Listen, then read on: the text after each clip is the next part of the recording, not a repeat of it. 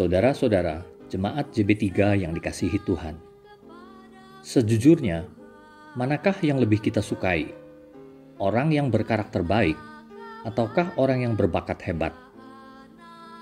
Seseorang dengan karakter yang baik lebih disukai oleh orang sekitarnya dibandingkan orang yang hanya mengandalkan bakatnya saja. Karakter seseorang dibangun sedikit demi sedikit melalui kebajikan, pengetahuan, penguasaan diri, ketekunan, kesalehan, dan kasih yang dipraktekkan sepanjang hidupnya.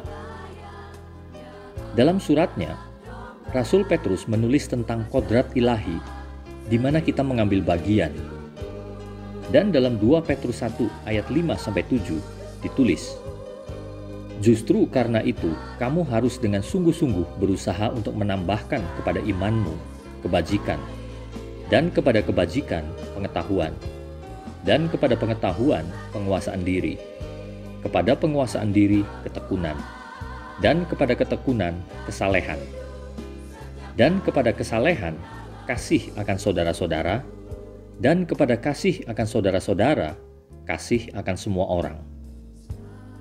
Seperti dikatakan dalam ayat-ayat sebelumnya, karakter kita bisa menunjukkan bahwa kuasa Allah sedang bekerja dalam hidup kita, bahwa kita adalah orang yang menerima anugerah janji-janji Allah.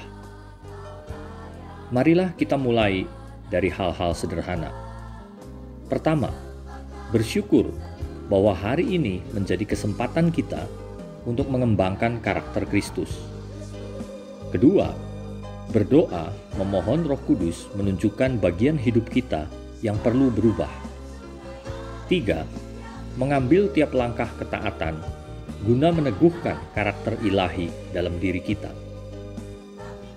Biarlah kodrat ilahi menjadi nyata dalam hidup kita, bahwa kita memang terbebas dari dunia yang sedang binasa ini. Tuhan memberkati kita semua.